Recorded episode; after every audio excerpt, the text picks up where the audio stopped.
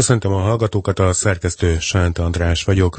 Az ingatlanpiac válság időszaka után az utóbbi években ismét előkerültek azok a városnegyed koncepciók, amelyek a 90-es évek végén születtek, majd haltak el. A jelenlegi fellendülésben pedig úgy tűnik újra gondolják ezeket a projekteket a beruházók. Tudtuk meg Mester Nándortól, az ingatlan tájoló szakértőjétől. Amikor évtizedek során kialakul egy város arculata, azon milyen mértékben dolgoznak tudatosan szakemberek, városépítők, mérnökök, városfejlesztők? Szerencsés esetben arról van szó, hogy ezek együtt alakítják ki a koncepciókat. Egyébként Magyarországon is, hála Istennek, elég sok jó szakember működik ezen a területen. Ugyanakkor látunk nagyon sok olyan példát, amelyek arról tanúskodnak, hogy nem egészen átgondolt városnegyed tervezés, városnegyed koncepciókról beszélhetünk.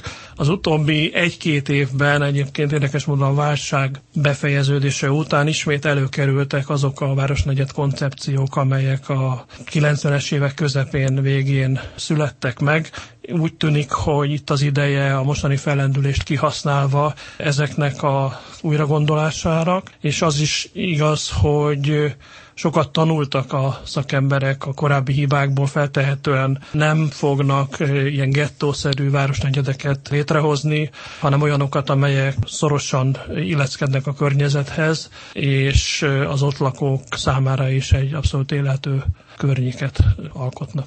Mennyire változott meg a koncepció az idők során? Tehát régen Budapesten mi alapján épültek új városnegyedek, a közelmúltban mi alapján épültek, mert ugye tudunk példát arra, amikor elszlömösödött vidéken épül új városnegyed, vagy a Korvin negyed, aztán nem pont erre példa. Mi a koncepció? Hát ugye 30-40 évvel ezelőtt, inkább talán 50-nel is most már, akkor az írtozatos lakáshiány miatt gyakorlatilag Budapest külső kerületeit teleszorták lakótelepekkel, és azt nevezték városnegyednek. Nagyon gyakran előfordult, hogy a kapcsolódó infrastruktúrális szolgáltatásokat egyszerűen nem építették meg akkor, amikor átadták a lakásokat. Ezt a hibát a 80-as évek közepe, 90-es évek elején indult nagyobb építkezési hullám során már nem követték el.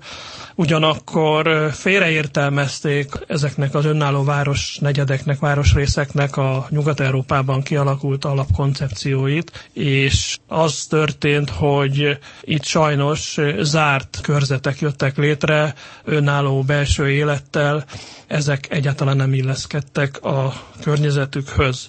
Említette ön a Korvin sétányt, ami nagyon jó példa, egyébként nagyon sok nemzetközi díjat is kapott a fejlesztő, amelyik szorosan együttműködött a helyi önkormányzattal, illetve várostervezési szakembereket is bevontak.